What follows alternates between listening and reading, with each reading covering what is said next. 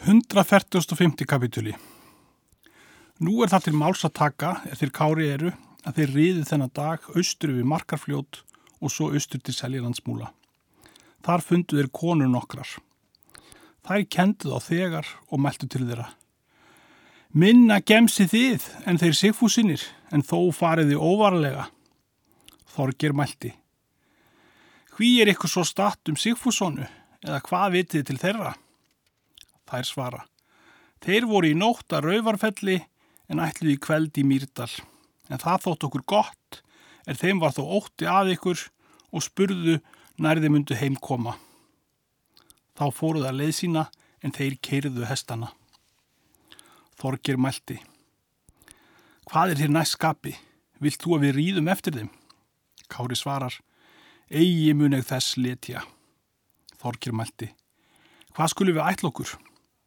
Egi veit ekki það, segir Kári, því að það kann oft verða að þeir menn lifa langan aldur er með orðum eru veiknir.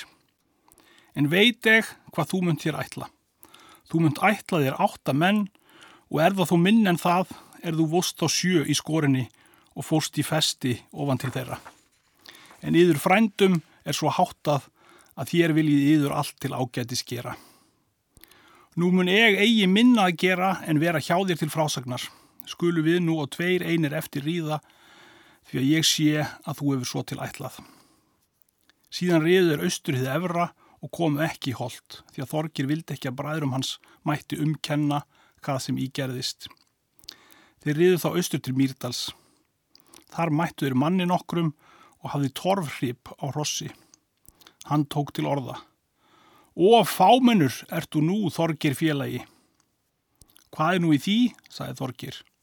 Því, sagði þessi, að nú bæri veiði í hendur. Hér riðu um sigfúsinir og munu sofa austur í Kærlingardal í allan dag því að þeir ætla ekki lengra en til höfðabrekku í kveld. Síðan riðu hóri leið sína.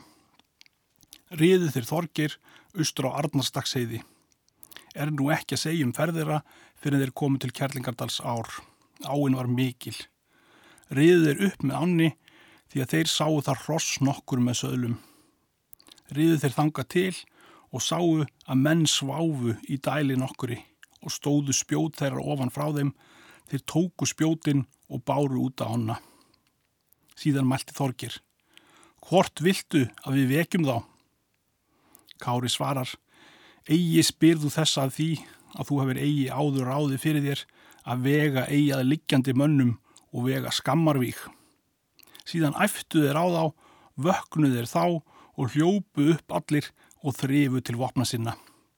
Þeir kári réðu eigi á þá fyrir þeim voru vopnaðir. Þorkir skorargeir hljópa þar sem fyrir var Þorkjell Sigfússon. Þá hljóp maður á bakjónum og fyrir hann gæti unnið á Þorkeri þá rittan auksina rimmugi í tveim höndum svo skjótt og hart að þá er hann ritti auksina á baksér, rakan í höfu þeim auksarhamarin er að bakjónum stóð svo að hausinn brotnaði í smáan móla. Fjell sá þegar dauður nýður. En er hann ritti fram auksina, hjóan á auksl þorkalli og klau frá ofan alla höndina. Í móti Kára réð mörður Sigfússon og Sigurdur Lambarsson og Lambi Sigurdarsson. Hann hljópað bakjónum og lagði til hans spjóti. Kári fekk séðan og hljóp upp og brá í sundur fótunum við er hann lagði til hans. Kom lægið í völlin en Kári hljóp á spjótskaftið og brauti í sundur. Hann hafði spjóti í annari hendi en í annari sverð en yngan skjöld. Hann lagði inn í hægri hendi til Sigurdar Lambassonar, kom lægið í brjóstið og gekk spjótið út um herðarnar, fjallan þegar döður. Hinn í vinstri hendi hjó hann til Marðar Sigfússonar og kom á mjöðmina og tók hann í sundur og svo hrygginn fjallan áfram og þegar döður. Eftir það snýrist hann á hæli svo sem skaft kringla og aða lampa Sigurðarsinni en hann fjekk það eitt fangaráð að hann tók á rás undan. Nú snýri Þorgir í móti leiðólfi sterka og hjó hór til annars japs snemma og varð högg leiðól svo mikið að allt tók af skildunum það er ákom. Þorgir hafði högg við tveim höndum með öksinni og kom inn aftar í hyrnan í skjöldin og klopnaðan í sundur en hinn fremri hyrnan tók viðbennið og í sundur og reist ofan í brjóstið á hól. Kári kom aði því og rak undan honum fótinn í miðju lærinu, fjall leiðalur þá döður. Ketilur mörg mælti, renna munum við til hesta vorra, meigu við ekki viðhaldast fyrir ofureflismönnum þessum. Runnuð er nú til hesta sinna og hljópa á bak. Þorgir mælti, Vilta við eldum þá og munum við enn geta drepið nokkra. Kári svarar, sá rýður síðast er ég vil eigi drepa en þar er ketilur mörg því að við eigum sýstur tvær en honum hefur þó farið best í málum vorum áður. Stígu þeir þá að hesta sína og riðu þar til þeir er komið heim í hold. Létt Þorgir þá bræður sína fara austur í skóa, áttu þeir þar annað bú því að Þorgir vildi eigi að bræður hans væri kallaðir griðnýðingar höfður þá með sér margt manna svo aldrei var þar færra vígra karla en þrýr týjir. Var þar þá gleði mikil. Þótti mönnum þorgir mjög hafa framið sig í þessu og báðir þeir kári. Höfðum en mjög að minnum eftir eðra er þeir riðu tveir einir að 15 mönnum og drápuð á 5 en rendu þeim er undan komust. Nú er frá þeim kall að segja að þeir riðu sem mest máttu þeir þar til er þeir komið til Svínafells og sögðu sínar farar eigi sléttar. Flosi hvað slíks það von og er yður þetta viðvörun, segir hann, skulu þér nú aldrei svo fara síðan. Flosi var allra manna gladastur og bestur heima að hitta og er svo sagt og honum hafi flestir hlutir höfðinglegast gefnir verið. Var hann heima um sumarið og svo um veturinn. En eftir jól um veturinn kom Hallur af síðu austan og kólur sónur hans. Flósi varð fegin hans komu og töluð þeir oft um málaferlin. Segir Flósi að þeir höfðu nú mikið afráð goldið þegar. Hallur hvaðst nærgættur orðið hafa málum þeirra. Flósi spurðan þá ráðs hvað hann um þætti líkast. Hallur svarar, það legg ekki til ráðs að sættast við þorgir ef kostur er og munan þó að allri sætt vera vandur. Ætlar þú þá munur lokið víunum, segir Flósi. Egi ætlaði það, segir Hallur, en við færri er þá um að eiga ef kári er einn. En ef þú sættist eigi við þorgir, þá verður það þinn bani. Herja sætt skulu verið bjóðunum, segir Flósi. Hörð muniður svo þykja, segir Hallur, er hann mun þykja. Því aðeins mun hann sættast vilja, nefn hann gjald ekki fyrir það, er hann hefur afgjört, en tæki bætur fyrir njál og sonu hans að sínum þriðjungi. Hörð sætt er þessi, segir Flósi. Ekki er þér svo sætt hörð, segir Hallur, því að þú átt ekki víksmál eftir Sigfúsonu, eigu bræður þeirra mál eftir þá, en hámundur haldi eftir svon sinn. En þú mun nú ná sættum við þorgir því að ég mun ríða til með þér og mun þorgir mér nokkurnin vel taka. En engi þeirra er mál þessi eigu munu þóra að sitja búum sínum í fljótslýð ef þeir eru utan sætta því að það verður þeirra bani og er það vonum við skaplindi Þorkirs. Nú var sendt eftir Sigfússonum. Báruður þetta mál upp fyrir þá og laug svo þeirra ræðum að fortölum hals að þeim þótti svo allt sem hann talaði um fyrir þeim og vildu gærna sætast. Grani Gunnarsson mælti og Gunnar Lambarsson. Sjálfrátt er oss ef Kári er einn eftir að hann sé eigi órættara við oss en við er við hann. Ekki er svo að mæla, segir Hallur muniður verða sár keift við hann og munið þér mikið afráð gjalda áður líkur meður. Síðan hættu þér talinu. 147. kapitúli Hallur af síðu og kólur sónu hans og þeir sex saman riðu vestur um Lómagnúpsand og svo vestur yfir Arnarstagsheiði og léttu eigi fyrir þeir komi í Mýrdal. Spurðu þeir þar að hvort Þorgir myndi heima verið í holdi en þeir sögðu að hann var heima og spyrðu hvert hallur skildir í það. Þángaði holt, segir hann. Þeir sögðu hann myndi hafa gott erindi. Dvaldist hallur þar nokkra stund og áðu. Eftir það tóku þeir hesta sína og riðu á sólheimum kveldið og voru þar um nóttina. Annan dag eftir riðu þeir í holt. Þorgir var úti og svo kári og menn þeirra og kendu hall. Hann reyði blárri kápu og hafði litla öksi í hendi silfur ekna. en er þeir komi í túnið þá gekk Þorgir í mótið þeim og tók Hall af baki og myndust þeir Kári og Þorgir báður við Hall og leittu hann í milli sín í stofu og sett hann á pall í hásæti og spurði hann margra tíðinda. Var hann þar um nóttina? Um morgunin eftir vakti Hallur til máls við Þorgir og leitað um sættir og segir hverjar sættir þeir buðunum og talað þar um mörgum fögurum orðum og góðgjartlegum. Þorgir svarar. Kunnugt mun þér það vera að ég vildi engum sættum taka við brennumenn. Allt var það annað, segir Hallur. Voru þér þá vígreiðir, hafið nú á mikið aðgjört um mandráp síðan. Svo er það, segir Þorgir, en hverja sætt bjóð þér kára? Hallur svarar, bóðin mun honum sættin, svo er sæmilega er ef hann vil sættast. Kári mælti þá. Þess vil ég byggja þig þorgir vinur að þú sættist því að þinn hlutur má ekki verða betri en góður. Hann svarar, illa þykir mér að sættast og skiljast við þig nema þú takir slíka sætt sem ég tek. Egi vil ég það, segir Kári, að sættast, en þó kalla ég nú að við höfum hemt brennunar en sonar míns kalla ég vera óhemt og ætla ég mér það einum slíkt sem ég fæ aðgjört en Þorgir vildi eigi fyrir sættast en Kári sagði ósátt sína á ef hann sættist eigi. Hans salaði Þorgir þá grið flosa og hans mönnum til sáttarfundarins en Hallur seldi önnur í móti er hann aðeins tekið af flosa og Sigfússonum. En áður þeir skildust gaf Þorgir Halli gullring og skarlatskikju en Kári silfurmenn og voru á gullkrossar þrýr. Þakkaði Hallur þeim vel gafirnar og reyði braut við hennar mestu sæmt og létti eigi fyrir hann kom til Svínafells. Tók Flósi vel við honum. Sagði Hallur Flósa allt frá erindum sínum og svo frá viðræði þeirra Þorgirs og svo frá því að Þorgir vildi eigi sættast fyrir en Kári gekk að og bað hann og sagði á ósatt sína ef hann sættist eigi. En Kári vildi ekki sættir ganga. Flósi mælti.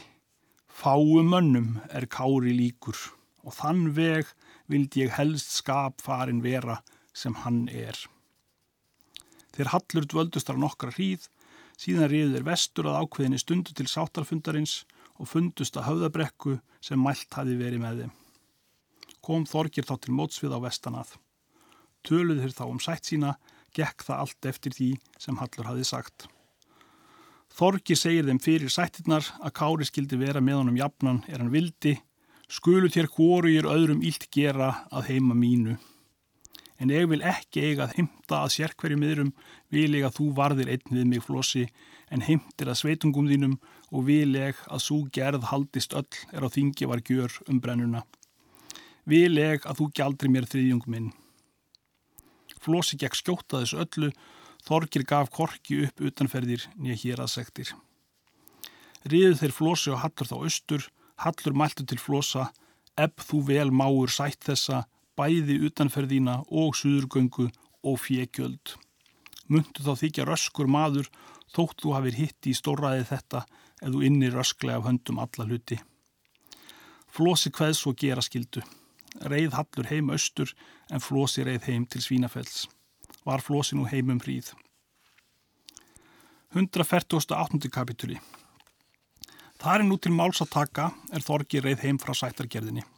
Kári spurði hvort saman gengi sættin. Þorgir segir að þeir voru sáttir að fullu. Kári vildi þá taka hestsinn og ríði í braud. Þorgir mælti. Egi þart í braud að ríða fyrir því að það var skilið í sættvora að þú skildir hér vera jafnan er þú vildir. Kári mælti. Ekki skal svo vera máur því að ef ég veg víg nokkuð þá munir þeir það þegar mæla að þú sért í ráðu með mér og vil ég það eigi. En það vil ég að þú takir við hansölum á fjemínu og eignir þér og helgun jálstóttur konu minni og dæturum mínum mun það þá ekki vera upptekið af þeim sökudólku mínu. Þorgir játti því sem Kári vildi beitt hafa, tók Þorgir þá hansölum á fjekára. Síðan reið Kári braud og hafði hesta tvo og vopp sín og klæði og nokkuð lausarfje í gulli og silri. Kári reið nú vestu fyrir Selilandsmúla og upp með markarfljóti og svo upp í Þórsmörk. Þar eru þrýr bæir er í mörg heita allir. Á miðbænum bjós á maður er Björn hétt og var kallaður Björn hvíti. Hann var Kaðalsson Bjálvasonar.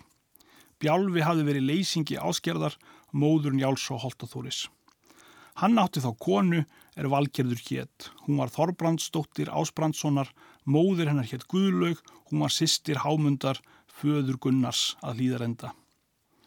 Hún var gefin til fjár byrni og unnununum ekki mikið, en þó áttu þau börn saman. Þau ótti gnóttir í búi. Björn var maður sjálfhælin en húsfreyjans þótti það ílt. Björn var maður skign og skjótur á fæti. Þánga kom Kári til gistingar og tókuði við honum báðum höndum, var hann þar um nóttina. Um morgurinn töluðist þér við. Kári mælti til Bjarnar. Það vildi ég að þú tækir við mér. Þykjumst ég hér velkomin með þér. Vildi ég að þú værir í ferðu með mér er þú ert maður skign og frár en það ætla ég að þú munum vera góður áraðis. Björn svarar, Horki frí ég mér skigleiks nýja áræðis nýja annarar karlmennsku. En því mun þú hingað komin að nú mun fókið í skjólin öll. En við áskorun þína, Kári, segir Björn, þá skal ég ekki gera þig líkan hverstagsmönnum. Skal ég víst verða þér að liði öllu slíku sem þú beigðir. Húsfrey hans heyrði til og mælti. Tröll hafi þitt skrum og hól, segir hún, og skildir þú eigi mæla báðum ykkur tál og hér koma í þessu. En gjarna vil ég veita kára mat og aðra góða hluti, þá er ég veit að honum á gagnað verða. En á harðræði bjarnar skalt þú ekki treysta því ég uggi að hann muni eigi hugtrú reynast svo sem hann lætur. Björn svarar, oft hefur þú veitt mér ámæli en ég treysti mér svo vel að ég mun fyrir engum á hæl hopa. Er hér raun til að því leita fáir á mig að engir þóra. Þar var Kári nokkra stund á laun og var það á fára manna viti. Ætluðu með nú að hann myndi riðið hafa norður um land á fund Guðmundar hins ríka því að Kári let Björn það segja nábúum sínum að hann hefði fundið Kára á förnum vegi og hann riðið þaðan upp á Góðaland og svo til Guðmundar ríka spurðist það þá um allar sveitir. 149. kapitúri Nú er það til máls að taka er Flósi er. Hann mælti til brennumanna félaga sinna. Egi mun oss enn duga kyrru fyrir að halda. Munum við hljóta að hugsa um utanferðir vorar og fjegjöld og efna sættir vorar sem drengilegast. Taka oss farið þar hver er líkast þykir. Þeir báðu hann fyrir sjá. Flósi mælti. Austur munum við ríða til Hortnafjörðar því að þar stendur skip uppi er á Eyjólfur Nef, þrænskur maður og vill hann byggja sér konu og næra hann eigi ráðinu nefn hann setjist aftur. Munum við kaupa skipið að honum því að við munum hafa fél lítið en manna margt. Er það skip mikið og mun það taka oss upp alla. Hættu þér þá tali sínu. En litlu síðar riður austur og léttu eigi fyrir þeir kom í Bjarnanes í Hortnafyrði. Funduði þar Eyjólf því að hann hafi þar verið á vist um veturinn. Þar var tekið vel við flosa, voru þeir þar um nóttina. En um morgurinn eftir falaði flosi skipið að stýrimanni, hann hvaðst ekki myndu þveri að selja skipið ef hann hefði það fyrir sem hann vildi. Flosi spurði í hverjum aurum hann vildi fyrir hafa. Östmaðurinn hvaðst vilja fyrir hafa land og þó nær sér sagði austmaður honum allt hversu farið var um kaup þeirra bonda. Flósi hvaðist skildu saman róa svo að skipt yrði og kaupa síðan skipið að honum. Austmaður glattist í þetta. Flósi bauð honum land í borgarhöfn, síðan helt austmaður á málunum við bonda svo að Flósi var hjá. Flósi lagði til orsín með þeim svo að saman gekk kaupið, lagði Flósi til landið í borgarhöfn með austmanninum en tók hansölum á kaupskipinu. Flósi hafði og af austmanni 20-100 vöru og var það í kaupi þeirra. Reið Flósi þá aftur, hann var svo vinsall af sínu mönnum að hann hafði þar vöru að gjöfiða láni sem hann vildi. Reiðan heim til Svínafells og var þá heimum hríð. Flósi sendi þá Kól Þorstinsson og Gunnar Lambasson austur í Hotnafjörð, skildur þar vera við skip og búa stum og tjálta búðir og sekka vöru og draga að. Nú er að segja frá Sigfússonum að þeir segja flosa að þeir myndu ríða vestur í fljótslíð að skipa til búa sinna og hafa þaðan vöru og slíkt annars en þeir þyrsti. Er nú eigi að kára að varast, er hann er fyrir norðan land? Flósi svarar, eigi veit ég um sagnir slíkar hvað satt er sagt um ferðir kára. Þykir mér oftur júfast það er skemmrer að spyrja en þaðan. Er það mitt ráð að þér fari margir saman og skilji slíkt og verið um yður sem varastir? Skaltu nú og ketill, muna draum þann, er ekki sagðið þér, og þú baðst að við skildum leina því að margir eru þér nú í förmiðir er kallaðir voru. Ketill mælti. Allt mun það framganga um aldur manna sem ætlaði er, en gott gengur þér til vörunar þinnar. Töluðir ekki um fleira. Síðan byggust þeir sigfúsinir og þeir menn með þeim sem til þess voru ætlaðir voru þeir átján saman. Ríður þá í braut og áður þeir fóru myndust þeir við flossa, hann sagði að þeir myndu eigi sjást oftar sumir er í braut riðu en þeir létu eigi letjast. Þeir nú leið sína. Flósi hafði mælt að þeir skildu taka vöru hans í meðalandi og flytja austur svo og í landbroti og í skóakörfi. Síðan riðu þeir til skaftartungu og svo upp á fjall fyrir norðan Eyjafjallajökul og ofan í Goðaland og svo ofan um skóa í Þórsmörk. Björnur mörg gatt séð mannareiðina og fór þegar til fundar við á og kvöttust þeir vel. Sigfúsin er spurðu að kára sölmundar sinni. Björn svarar, Fannig kára, segir hann, var það nú mjög fyrir laungu, reyðan það að norður á gásasand og ætlaði til Guðmunda ríka og þótti mér nú sem hann myndi heldur óttastíður og þóttist nú vera mjög einmanna. Grani Gunnarsson svarar, Meir skildi hann þó síðar, mun hann þá vita er hann kemur í kast við oss. Ræðum sver hann nú alls ekki en hann er eitt síns liðs. Ketil bað hann þeia og hafa engin stórirðu um. Björn spurði hvenar þeir myndi aftur. Nær viku munum við er dveljast í fljótslíð, sögðu þeir. Hváðu þá dag fyrir honum nær þeir myndi á fjall ríða. Skildu þeir við þetta. Riðu Sigfúsinu til búa sinna urð þeim feignir heimamenn þeirra. Voru þeir þar viku. Nú kemur Björn heim og finnur Kára og segir honum allt um ferðir Sigfúsona og fyrirætlani þeirra. Kári hvað hann sínt hafi þessu vinskap mikinn og trúleik við sig. Björn svarar, það ætlaði ég ef ég héti nokkru manni umsjáminni að þeim skildi mun því í fara. Húsfreyja segir, fyrri væri ítla en þú væri drottinsviki. Kári dvaldist þar sex nætur síðan. 150. kapituli Kári mælti við Björn. Nú skulum við ríða austur um fjall og ofan í skaftartungu og fara leinilega um þingmannsveit flosa því ég ætla að koma mér utan austur í altafyrði. Björn mælti. Þetta er hættu för mikil og munu fáir hafa hug til nema þú og ég. Húsfriða mælti. Ef þú fylgir kára illa þá skaltu það vita að þú skalt aldrei koma í mína rekju sen síðan. Skulu frændi mínir gera fjárskipti með okkur. Björn svarar, það er líkara húsfreyja, segir hann, að fyrir öðru þurfir þú ráð að gera en það berir til skilnaðar okkars, því að ég mun bera mér vittnum það hver garpur eða afreiksmaður ega em í vopnaskipti. Þeir riðu þá um dægin austur á fjall fyrir norðan jökul og riðu aldrei almanna veg og ofan í skaftartungu og fyrir ofan bæi allir til skaftár og leittu hesta sína í dæli nokkura en þeir voru á njóst og höfðu svo búið um sig að eigi mátti sjá þá. Kári mælti þá við Björn. Hvað skulum við tiltaka ef þið ríða hér að okkur ofan af fjallinu? Munu eigi tveir til, segir Björn. Annað hvort að ríða undan norður með brekkunum eða láta þá ríða um fram eða býða ef nokkri dveljast eftir og ráða þá að þeim. Mart töluðir um og hafði Björn í sínu orði hvort að hann vildi flýja sem harðast eða hitt að hann vildi býða og taka í móti og þótti kára að þessu allmikið gaman. Nú er að segja frá Sigfússonum að þeir riðu heimann þann dag er þeir auðvitað sagt byrni. Þeir komu í mörg og drápa á dyr og vildu finna Björn en húsfriða gekk til dyr á hilsaði. Þeir spurðu þegar að byrni. Hún segir hann hafi riðið ofan undir Eyjafjöll og austur fyrir Seljalandsmúla og svo austur í Holt. Því að hann á þar fjárheimtur. Þeir trúðu þessu og vissu að Björn átti þar fyrir að heimta, riðu síðan austur á fjall og léttu eigi fyrir þeir komi í skaftartungu og riðu ofan með skaftá og áðu þar sem þeir kári ætluðu. Skiptu þeir þar liðið sínu.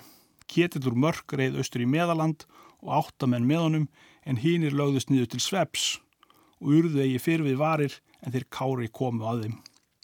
Þar gekk nes lítið í ána fram. Gekk kári þar í fram og bað Björn standa baki sér og hafa sig eigi allmjög í frammi en gera sér gags líkt er hann mætti. Björn svarar. Hitt hafið ég ætlað, segir hann, að hafa engan manna skildi fyrir mér en nú er þó þar komið að þú mundur á það verða. En með vitsmunum mínum og hatleik þá munið þú verða óvinnum okkrum ekki óskeini samur. Þeir stóðu þá upp allir og hljópu að þeim og varð skjótastur móðulur Ketilsson og lagði spjót til Kára. Kári hafði skjöld fyrir sér og kom lægið í skjöldin og festi í skildinum. Kári snaraði skjöldin svo að brotnaði spjótið, hann hafði brúði sverðinu og hjó til móðuls. Hann hjó og í móti. Sverði Kára kom á hjaltið og stökk af og á úliðin og tók á móðolfu höndina og fjallu niður og svo sverðið og hljóp þá sverðið Kára á síðu móðolfi og inn í millum revjana.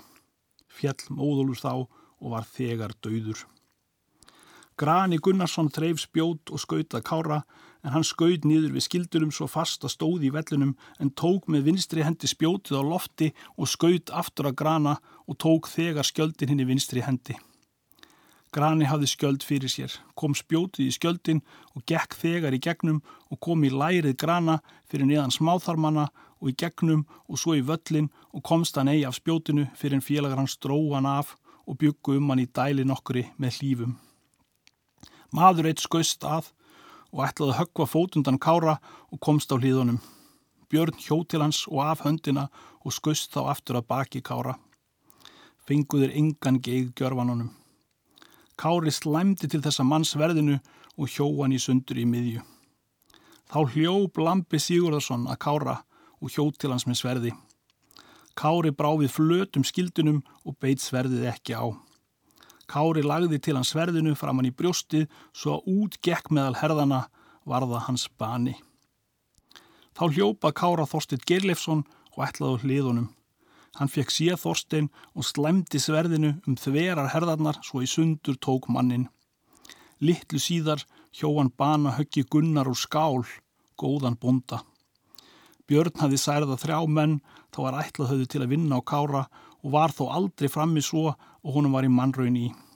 Var það nú ekki sár og hvorur þeirra félaga á fundi þessum en þeir voru allir sárir er undan komust hljópuð þeir á hesta sína og hleyft út á skafta sem mest máttu þeir og urðu svo hrættir að þeir komu hverki til bæja og hverki þorðu þeir að segja tíðindin. Þeir kári æftu að þeim er þeir hleyftu undan. Þeir riðu austur í skóakverfi og léttu eigi fyrir þeir komu til Svínafells. Flósi var eigi heima er þeir komu þar og var því þaðan ekki eftirleitað. Öllum þótti þeirra ferð hins svífyrðilegasta.